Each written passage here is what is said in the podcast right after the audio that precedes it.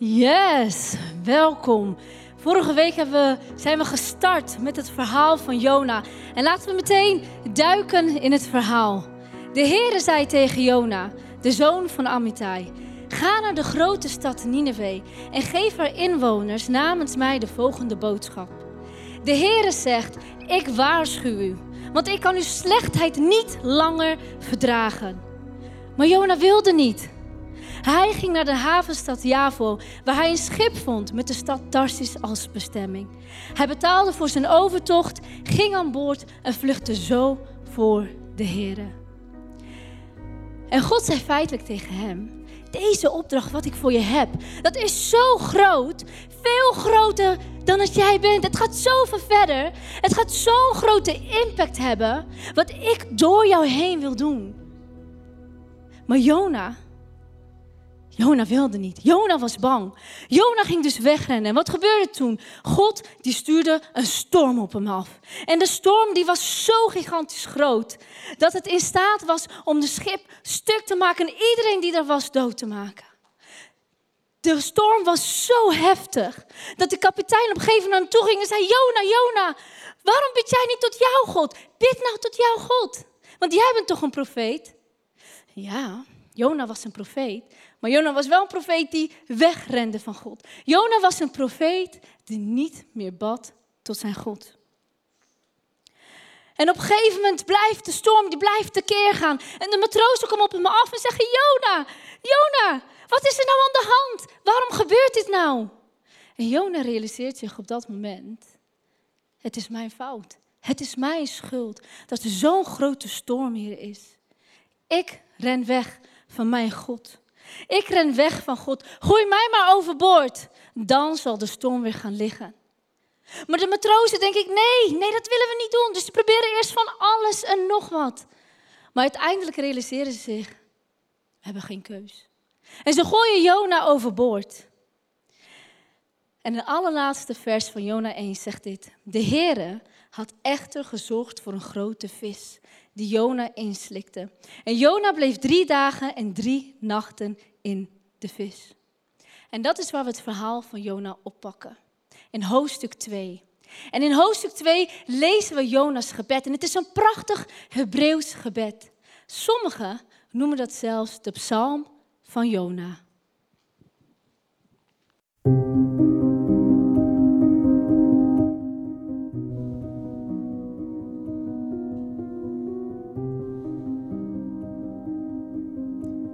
Vanuit de vis bad Jona toen tot de Heer en hij zei: In mijn grote moeilijkheden riep ik de Heer en hij antwoordde mij. Ik riep vanuit de diepte van de dood en u hoorde mij, Heer.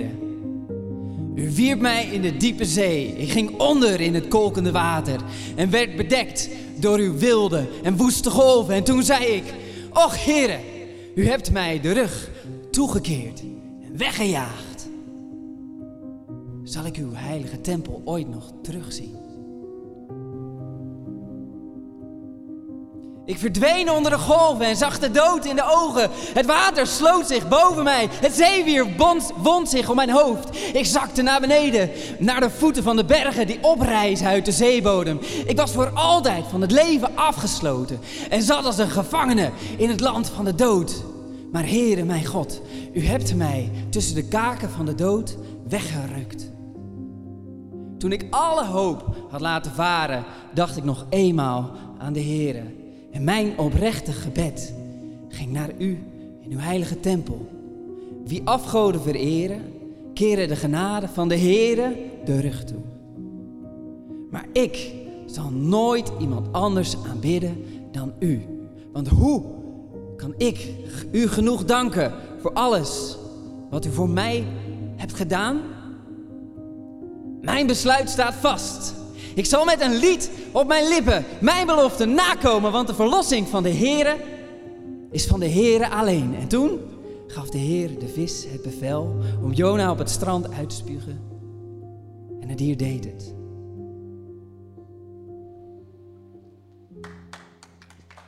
Wauw. Dat is wat er gebeurde. En je kan je vast zo voorstellen dat dit maar een snapshot is van Jonas' gebed. Je kan je vast zo voorstellen als je drie dagen, drie nachten lang in de buik van de vis bent. Dat je dan continu wanhopige gebeden bidt. Heere, help, help mij. Want het is niet zo dat toen hij daar in de, in de buik van die vis zat, dat hij een stoeltje had, een lampje aan, pennetje, een papiertje. Nou, heren, wilt u mij helpen? Nee, wanhopige gebeden, keer op keer op keer. En dat is waar we vandaag naar gaan kijken. Wat doe je als jij een dieptepunt bent? En we lezen verder wat Jona heeft gedaan. Lees met me mee in Jona 2. Daar staat, vanuit de vis bad Jona tot de Heer. Wat deed hij? Hij ging bidden. Hij bad tot de Heer. En dat is ook meteen de eerste punt van vandaag. Vraag God om hulp en hij zal je antwoorden. En waarschijnlijk dacht God op dat moment: hè, hè, eindelijk Jona, heb ik nu eindelijk je aandacht? En misschien zegt God nu ook tegen jou: hè, hè, heb ik nu eindelijk je aandacht? Roep je mij nu eindelijk aan? Lees met me mee, het gaat verder. Wat Jonas zei. Hij zei, in mijn grote moeilijkheden riep ik de Heere en hij antwoordde mij. Ik riep vanuit de diepte van de dood en u hoorde mij, Heere. Jonas zei, in mijn grote moeilijkheden, in mijn nood riep ik God aan. En wat deed hij? Hij antwoordde hem. Nou, hier wil ik even pauze nemen. Laten we even goed stilstaan bij wat hier gebeurt. Wat gebeurt hier? Ik riep God aan in mijn nood en hij antwoordde mij. Kan je enigszins voorstellen dat jij en ik onze fantastische God kunnen aanroepen in onze moeilijkheden en hij zal antwoorden. Ik bedoel, hij is de God van het universum. Hij is de maker van de aarde. Met zijn woorden, hij sprak en de sterren waren aan de hemel. Hij sprak en de aarde en de hemel waren gemaakt. De eerste en de laatste, de heilige der heiligen, de God almachtige. Hij zal jou antwoorden. Besef je dat? Hoe krachtig dat is? Laat je de kracht hiervan niet zomaar je voorbij gaan. Dat is de God die wij hebben. De God van het universum zal jou aanroepen. Zal jou antwoorden als jij hem aanroept in jouw moeilijkheden. Dat is de God die we hebben. En ik zie het al, jullie zijn helemaal versteld ervan. Dus oh, dat is inderdaad de God die we hebben. Wauw! Halleluja! En Jona had eigenlijk gezegd, Weet je wat? Ik ga God negeren. Ik ren zo ver mogelijk van hem vandaan. En op een gegeven moment beseft hij zich: hé, maar dat is niet wat ik moet doen. Laat ik toch mijn God aanroepen. En hij antwoordde hem. En dat, dat is Gods genade. Dat is zijn genade. En zijn genade is ook voor jou vandaag available. Je kan nog steeds zijn genade ontvangen. En ondanks dat en misschien herken je het wel van jezelf, dat we toch nog af en toe zeggen: Oh, maar het is zo moeilijk en ik heb het zo zwaar en de situatie is zo slecht en ik heb van alles geprobeerd. Het enige wat ik nu nog kan doen is bidden. Kan je je voorstellen hoe teleurstellend en beledigend dat voor God wel niet is? Het enige wat ik nu nog kan doen is bidden. Dat is het eerste wat jij en ik kunnen doen. Niet het laatste. Dat is onze eerste redmiddel. Roep God aan. In de Bijbel lezen we in Hebreeën 4. Laten wij daarom vrijmoedig naar de troon van God gaan om van Hem genade te ontvangen. Om hulp te krijgen, juist, juist in de ogenblik dat wij het zo moeilijk hebben. Jij en ik hebben het recht om in de tegenwoordigheid van God te stappen. Jij en ik hebben het recht om te zeggen, Vader, hier ben ik. Hoort u mij? Dus als je door een moeilijke periode gaat, zeg dan ook niet tegen mensen: Ah, wat zielig. Heb je het zo moeilijk? Hé, hey, weet je wat? Ik denk aan je. Vanavond als ik geslapen, dan ga ik even aan je denken. Nee, zeg ik bid voor je. Ik zal namens jou God aanroepen en hij zal je antwoorden. Er zit zoveel kracht in de woorden die we gebruiken. En laten we kijken naar de volgende woorden die Jona gebruikte, waar ook zoveel kracht in zit. Hij zegt in mijn grote moeilijkheden. oftewel in mijn nood. En Jona schreef in het Hebreeuws en daar staat het volgende. In mijn nood betekent in het Hebreeuws tsara, dat is het woord ervoor. En tsara betekent barensweeën, oftewel barenspijn van de bevalling. Nou, de vrouwen hier onder ons die, uh, die bevallen zijn, die weten wat de pijn is, wat een barenspijn, hoe dat voelt. Respect voor al die vrouwen. En wat je moet weten over de Hebreeuwse taal is, uh, het is heel veel in beeldspraak, in beeldwoorden. En wat Jona hier gebruikt is een hele bijzondere beeldspraak. Want hij zit in de buik van de vis en hij gebruikt hier eigenlijk een zwangerschapswoord. Ja, een zwangerschapswoord.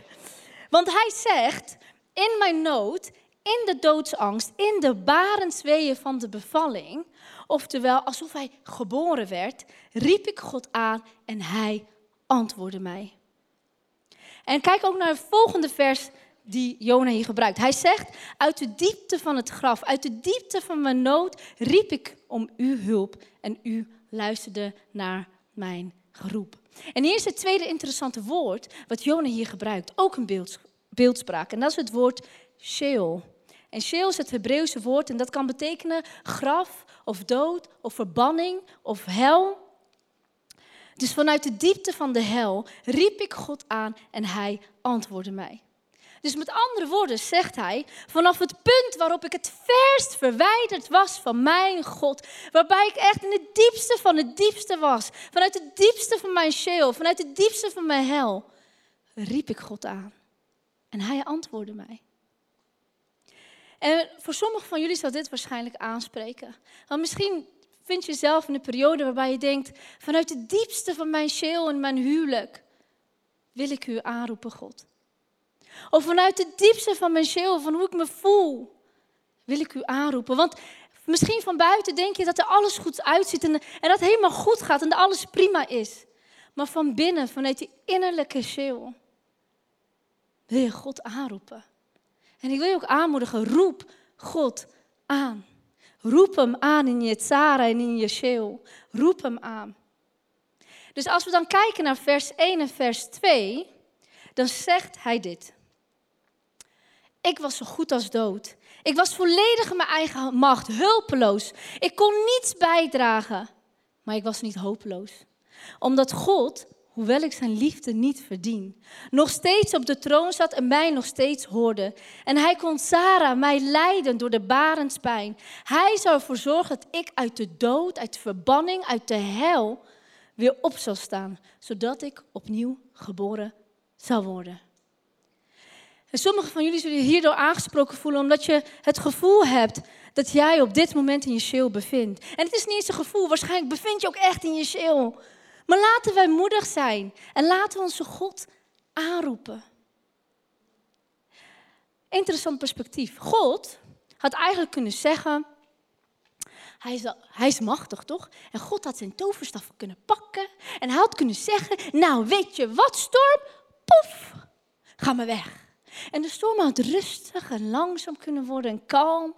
Ook op het moment dat Jona overboord werd gegooid, had God zo met zijn stafje zo kunnen zwaaien en zeggen: Poef! Ik stuur een schildpad. Niet zo'n grote vis waar jij ingeslikt wordt in zijn vieze maag. Ik bedoel, weet je hoe goor dat is? Ik ruik het al een beetje, hoe goor dat wel is. Ik kan het me bijna voorstellen. Had kunnen zeggen: Poef! Ik stuur een hele grote schildpad waar je zo op zijn rug kan leggen, lekker chill. En die schildpad kan praten. Die zou dan zeggen, hey Jona, wat doe jij hier in de zee? Kom op mijn rug. En Jona zou zeggen, ja man, chill, kom op je rug. En hij zou dan gaan liggen, een beetje zonnebrand, lekker een beetje zonnen. En hij zou hem zo naar de kust brengen. Toch? Had God kunnen doen. Heeft hij niet gedaan. Waarom? Op het moment dat God zegt, poef, en je bent uit je ellende, wordt ons karakter niet gebouwd. Jonas' karakter kon niet gebouwd worden voordat hij pas door kon gaan door al die fases. En God werkt ook in fases. En God houdt zoveel van Jona. Dat hij dacht, nee, dit gaat niet op een makkelijke manier. Want hier zul je niks van leren. Jouw karakter zal hierdoor, hierdoor niet gevormd worden. En hetzelfde zegt hij ook tegen jou. God werkt in fases. Nou, kijk met me mee. Fase 1. In eerste instantie zegt Jona, ga. Jona zegt nee. Fase 1, wat gebeurt er? God stuurt een storm. Fase 2. God stuurt een kapitein. En die kapitein zegt tegen Jona, Jona, bid tot jouw God. Jona doet het niet. Fase 3. De bemanning die toont genade in eerste instantie. En ze gooien hem niet meteen overboord. Fase 4. Jona wordt uiteindelijk overboord gegooid. Maar hij verdrinkt niet in de grote zee. Want wat doet God? Hij zorgt voor een grote vis. En fase 5. Jona wordt op het land uitgespuugd.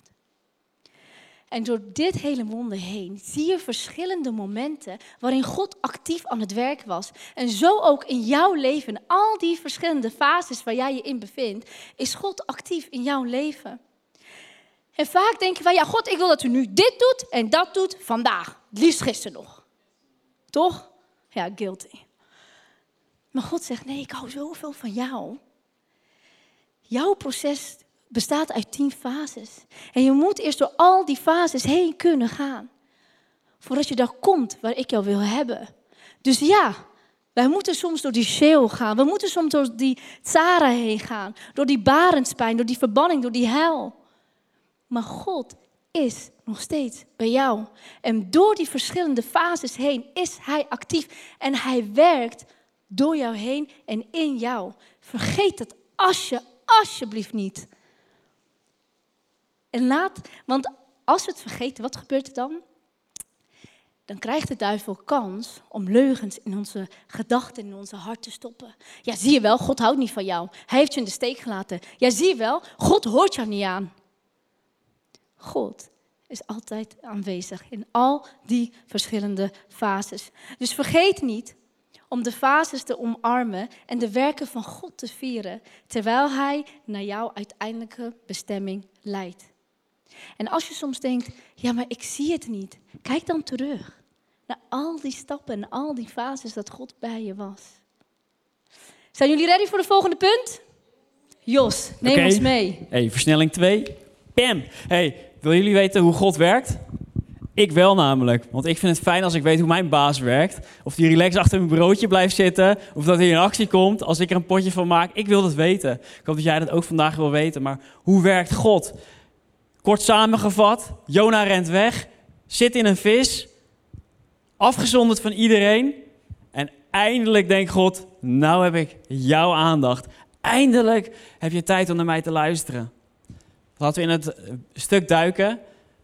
Uh, wat we net hebben gehoord in een mooie theatrale vorm. Wat ons hart hopelijk ook geraakt heeft. Maar nu ga ik er iets rustiger doorheen. En ik lees hem voor.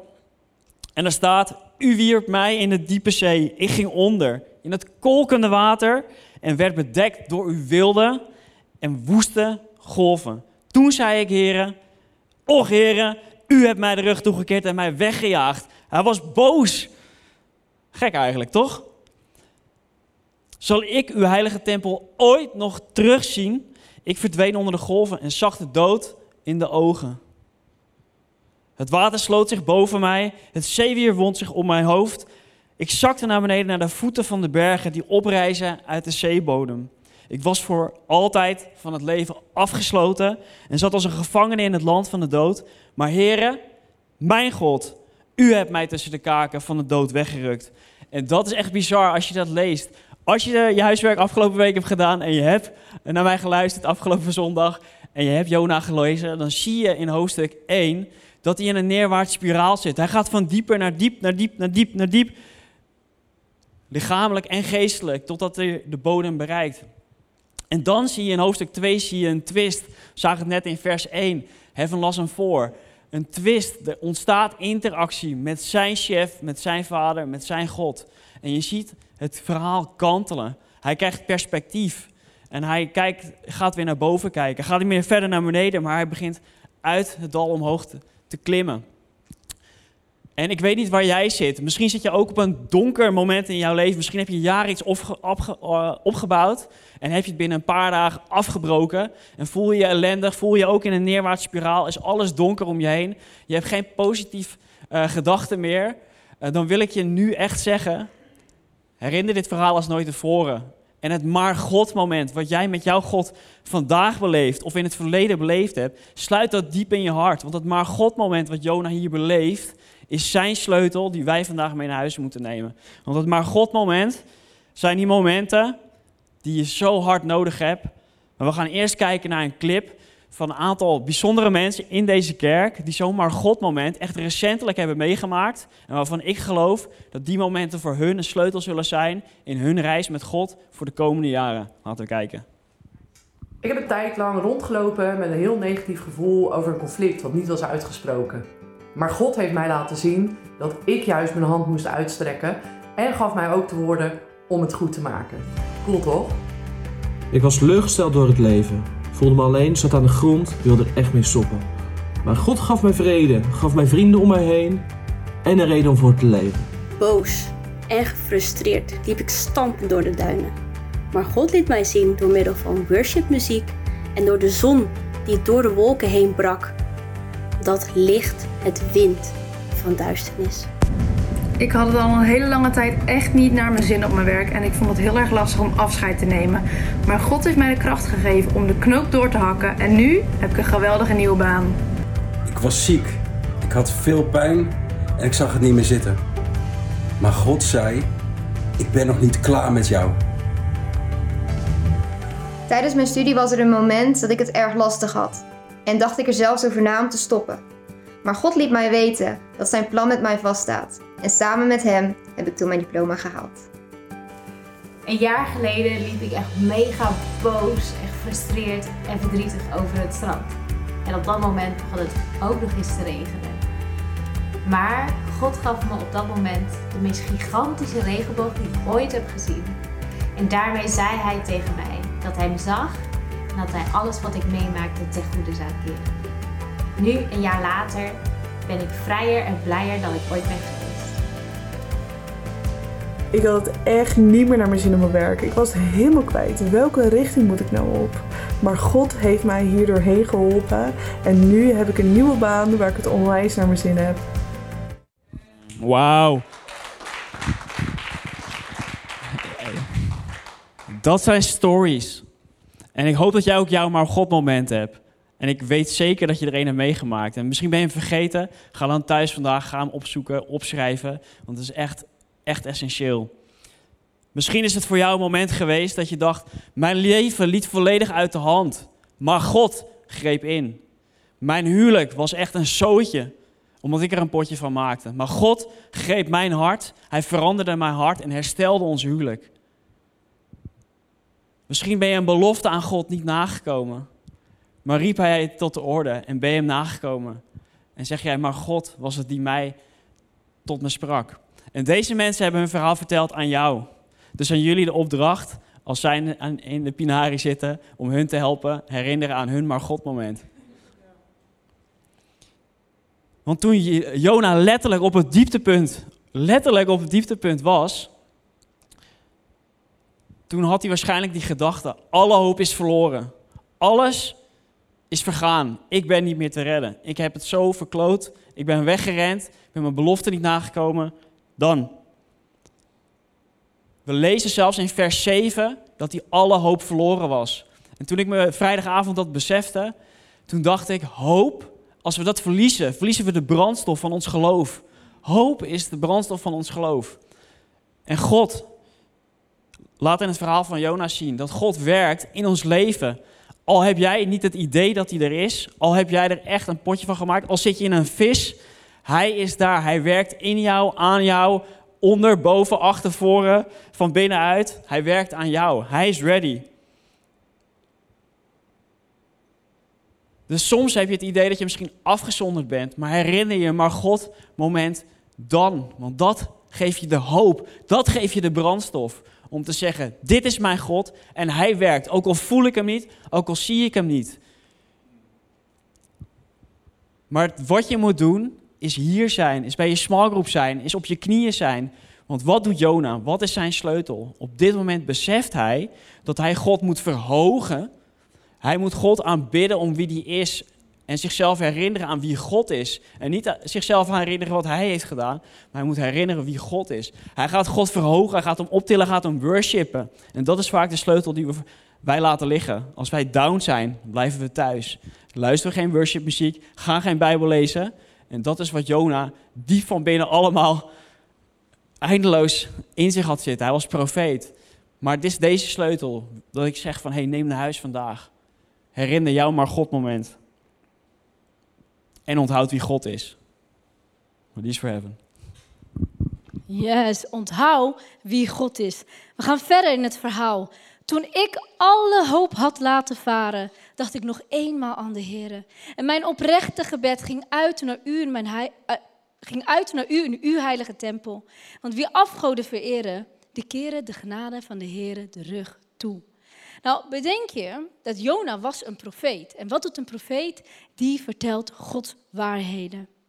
En dat is wat hij dus ook hier deed in vers 7 en vers 8. Hij beseft zich wie God is. En hij beseft zich dat hij niet meer de afgoden moet gaan eren, maar dat hij juist Gods genade moet gaan ontvangen. En wat hij hier eigenlijk zegt is ook, wat je ook doet, doe alsjeblieft niet wat ik gedaan heb. Verwaarloos God niet. Loop niet weg van zijn genade. Ga niet afgoden boven hem zetten. Want, wat zegt hij? Wie afgoden vereren, wie dus zich vastklampen aan idolen, wat gebeurt er met hun? Zij keren de rug toe aan de genade van God. En het Hebreeuwse woord voor genade is gezet. En gezet betekent liefdevolle vriendelijkheid, barmhartigheid of de trouwe liefde van God. En degenen die zich vastklampen aan idolen, die sluiten zichzelf af van Gods genade. Want je kan Gods genade niet ervaren als je nog vasthoudt aan je idolen. En die van Jona, het eerste van hem, de eerste idool die hij had, was het veroordelen. Veroordelen van de mensen Nineveh. Deze mensen mag ik niet, ik wil ze niet, laat maar lekker. Laat ze maar lekker stikken.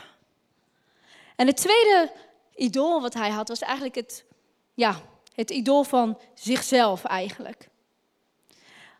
Want hij verheerlijkte zichzelf. Hij zette zichzelf boven andere mensen. En de vraag voor jou en mij is: wat is jouw afgod? Wat is jouw idool? Misschien is het ook wel idool van jezelf. Waarin imago voor jou heel belangrijk is. Hoe kom ik over? Hoe zie ik eruit? Of misschien wel de sensatie van een succes hebben. Het ervaren van een succes en geld en rijkdom. Of het kan zijn een relatie. Dat je een persoon boven God zet en die persoon eert. Maar ik vind hem zo leuk, hij is zo knap. Ja, God, ik hoor u wel. Maar ik vind hem echt zo leuk. Echt zo leuk. Dus je keert je rug toe aan de genade van God. Wat is jouw afgod? Wat is het? Is het succes? Is het je imago? Is het een andere persoon? Misschien zelfs je partner, dat je partner boven God zet. Gods genade, zijn barmhartigheid hebben wij nodig. En Jona beseft zich dat opeens. En in het volgende vers zegt hij: Mijn besluit staat vast. Ik zal met een loflied op de lippen mijn belofte nakomen, want verlossing komt van de Heere alleen. Jos, vertel ons over de beloftes die wij aan God maken.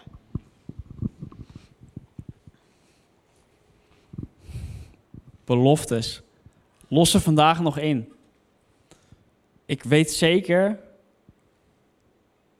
dat God dat is wat, wat hij van je vraagt, dat, we onze beloftes nakomen. En ik weet zeker dat je misschien vandaag nog wel de stap moet nemen om een belofte in te lossen. Misschien moet jij vandaag nog wel een belofte rechtzetten. Maar weet je, beloftes zijn soms groot en zijn soms echt challenging. En het is met vallen en opstaan. Ik weet niet welke belofte God op jouw hart heeft gelegd. Wat ik wel weet is dat je hier op zondag bent en je staat hier in de worship en je zegt: Jezus, hier ben ik. Jesus, here I am. Give it all. Gebruik mijn leven. En ik weet niet welke belofte God op jouw hart heeft gelegd, maar ik ken het ook. En ik zal eerlijk zijn, beloftes kom ik niet altijd na. En dat is vaak het, het gevaar, dat we naar huis gaan en morgen is niet anders dan vandaag. Onze beloften zijn uitgesproken, maar morgen doen we er niks meer mee. We zijn het al bijna vergeten. Maar wat heeft God misschien op jouw hart gelegd? Heeft God jou geroepen om een eigen bedrijf te beginnen en te zeggen: voor mijn koninkrijk, start morgen en investeer in mijn koninkrijk met alles wat je daar verdient. Dat is jouw gave talent. Misschien word je wel een belofte op jouw hart gelegd en echt dat God tegen jou zegt, morgen word clean. Stop met het kijken van vreemde seksuele plaatjes op internet. Maar word vrij. Misschien legt hij een belofte op jouw hart om morgen een dag minder te gaan werken, om morgen naar je baas te gaan en te zeggen, ik wil een dag minder werken. Ik wil mijn tijd anders investeren. Ik weet niet welke belofte God op jouw hart heeft gelegd, maar ik weet wel hoe beloftes werken als we ze niet nakomen. En ik wil het niet meteen negatief zetten, maar een niet nagekomen belofte is als een wig tussen je deur. Je deur is gesloten en een belofte dan komt, en die nakomt, die deur die blijft dicht en die, uh, de boze die gaat die weg die tussen slaan. Het is eigenlijk niet nagekomen belofte, is misschien nog duidelijk, is, is een muur die voor je wordt opgebouwd. Hij wordt dikker, hij wordt hoger en hij wordt geplaatst tussen jou en God in. De afstand vergroot. Want hoe heftig is het om iets wat God op jouw hart heeft gelegd en waar jij ja tegen hebt gezegd niet na te komen. Het, het gat wordt zo groot en we zien het bij Jona ook. Jona wist dat hij naar Nineveh moest. Hij wist dat zijn, zijn God hem altijd bij zou staan. Maar het was zo angstig, het was zo heftig. En zo kunnen beloftes voor ons in eerste instantie ook zijn. Groot en heftig. Jona rende weg en uiteindelijk, en dat is het bemoediging in het verhaal, ging Jona zijn reis verder en kwam die wel in Nineveh. Dus deze sleutel om je belofte in te lossen, met vallen opstaan, hebben we een sleutel nodig. En de sleutel die ik vond in het verhaal van Jona, vond ik zo belangrijk, omdat je gewoon weet en besef dat niet nagekomen beloftes echt nasty zijn.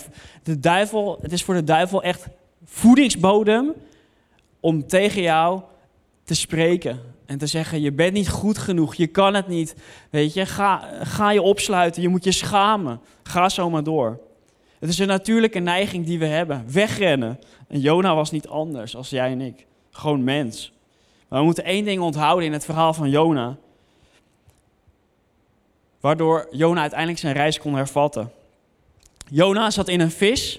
Hij was afgezonderd van iedereen. Hij kon niet offeren aan God. Hij kon geen perfect dier offeren aan God. Hij kon niet extra geld geven aan de kerk. Hij kon ook uh, niet extra dienen. Hij kon niks doen. Hij was daar, hij was daar. En alleen tussen hem en God. Maar hij was iets gelukkig niet vergeten. En dat lezen we dus in Jona 2, vers 9. Daar staat: Mijn besluit staat vast. Ik zal met een loflied op mijn lippen mijn belofte nakomen. Want verlossing komt van de Heer alleen. Hij besefte zich uiteindelijk dat hij een tweede kans kreeg. En dat we die altijd krijgen. Want wat gaat voor niet nagekomen beloftes, is verlossing, is genade. En dat herinnerde hij zich op dat moment.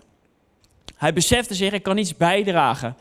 Er ligt een belofte op mijn hart en die zal ik nakomen. Met vallen en opstaan. En zo ligt ook een belofte op jullie leven, op jullie hart. Iets waarvan je tegen God hebt gezegd, dat ga ik doen. Misschien ben je gestruikeld, maar besef je dan deze sleutel Begin weer bij die genade. Begin bij het kruis en zeg: Jezus, hier ben ik. U heeft die prijs betaald. Ik ben niet perfect. Ik weet dat die belofte er is. Maar morgen ga ik gewoon weer verder. Ik ga gewoon starten. En dat moment keerde om in het moment dat hij op het strand werd uitgespuugd. En uiteindelijk in Nineveh zijn belofte nakwam. Dus stop niet als je nu denkt: ik ben die belofte niet nagekomen. Ga hem inlossen. Maar begin vandaag straks in de worship en zeg: Jezus, hier ben ik nog een keer. Maar nu snap ik hem. Of ik heb uw wijsheid nodig, maar eerst uw genade. Dat is altijd stap 1. Alleen God geeft redding. Yes, en dat is ook meteen het laatste punt van vandaag. Alleen God geeft redding. Alleen God. Dus niet jouw eigen droom of jouw eigen gedachten die je hebt over je toekomst. Ook niet jouw afgod, alleen God geeft redding. En in het Nieuwe Testament lezen we, want het is door de genade van God dat u gered bent. Gods genade, daar kunnen we niks aan veranderen. Gods genade is zijn gave voor jou en voor mij. Zijn genade staat ready. En het enige wat jij en ik hoeven te doen is zeggen: God, hier ben ik. Hier ben ik. Ik wil uw genade ontvangen. Ik wil uw genade aannemen. Ik wil in uw aanwezigheid stappen. Vader, hier ben ik. Dat is het enige wat wij hoeven te doen. En als je erbij stilstaat, als je herkent en erkent en beseft dat Jezus voor jou gestorven is, voor jouw zonde gestorven is, dat God zijn enige zoon heeft gegeven. Hij is door martelingen heen gegaan voor jou. Dan is toch de enige logische, redelijke reactie die jij en ik kunnen geven. Vader, hier is mijn leven. Gebruik het. Gebruik het voor uw koninkrijk. Gebruik het voor uw naam. Ik wil een volgeling van Jezus zijn. Die moedig is, die niet bang is, die impact wil maken hier op aarde. Want de impact die we hier op aarde maken, heeft ook weer impact voor in de eeuwigheid. En in vers 10 lezen we: Toen gaf de Heere de vis bevel Jona op het strand uit te spugen. En het dier deed dat. Op het moment dat Jona zich besefte: Gods genade komt alleen van hem. Zijn redding komt alleen van hem. Was hij ready om weer verder te gaan? En of je nu op de top van de wereld bent, of dat je in de diepte van jouw Sheol, van jouw hel, van jouw verbanning zit. Wanneer je de Heere aanroept, dan zal Hij je antwoorden. En ik wil jullie op dit moment ook uitdagen en uitnodigen om op te gaan staan. En samen te gaan bidden. En zometeen zal de band een worshipnummer zingen. En terwijl je nu staat, wil ik je vragen om je ogen te sluiten. Sluit je ogen. Kijk niet naar rechts, kijk niet naar links. Dat kan ook niet als je ogen gesloten zijn, dus hou ze lekker dicht. En stap in Gods aanwezigheid. Stap in zijn aanwezigheid. En roep hem aan. Vader, vanuit de diepte van mijn Sheol, vanuit de diepte van mijn hel, vanuit de diepte van mijn moeilijkheden, vanuit mijn nood. Ik roep u aan. En ik verwacht en ik weet dat u mij zult antwoorden. Wat is jouw dieptepunt op dit moment? Vertel het aan God in gebed. Zeg tegen hem, Vader, dit is mijn dieptepunt. Ik zag u niet meer, ik hoorde u niet. Maar u bent bij me, u werkt door al die fasen heen. Spreek, roep hem aan vanuit jouw dieptepunt. En voor degenen die nu niet meer in de dieptepunt zitten, dan wil ik jou vragen: eer Hem, dank Hem. Vader, dank u wel dat u altijd bij me bent. Dank u wel dat u mij altijd leidt. Dank u wel dat u zo'n liefdevolle vader bent. Uw genade. Ik heb altijd toegang tot uw genade. Bid tot Hem, roep Hem aan tijdens de volgende worshipnummer. En dan gaan we daarna samen bidden. U bent zo, zo goed, Vader. Ook al ga ik door moeilijkheden, u bent en blijft goed. En ik dank u, Vader, voor wie u bent. Ik dank u voor wat Jezus aan het kruis heeft gedaan. En ook al besef ik het niet elke dag, ik wil het elke dag beseffen. Ik wil vandaag de stap maken om niet meer weg te rennen van u, maar juist naar u rennen. Naar u toe te rennen, naar de beloftes die u voor mijn leven heeft, naar de roeping die u voor mijn leven heeft. Vader, vandaag kies ik om u weer te gehoorzamen. Ik wil u gehoorzamen daar gaan waar u mij wilt. En ik geloof op dit moment dat God iets in jouw hart wil plaatsen. Dat Hij jou iets vertelt. Misschien is het wel een herinnering van iets wat je al lang al wist, wat God op jouw hart gelegd heeft. Of misschien is het wel iets nieuws, een nieuw perspectief wat Hij jou geeft. Ik geloof dat Hij tot jou spreekt. En ontvang Zijn woord, ontvang Zijn genade. En zeg, Vader, hier ben ik. Ook al zullen momenten zijn dat ik faal, u bent bij mij. Door alle fases heen, u bent bij mij. En dat is waar ik wil zijn. Dank u wel, Jezus. Dank u wel, Heilige Geest, dat u ons altijd, maar ook echt altijd zult leiden. In Jezus' naam bidden wij dit. Amen. Amen.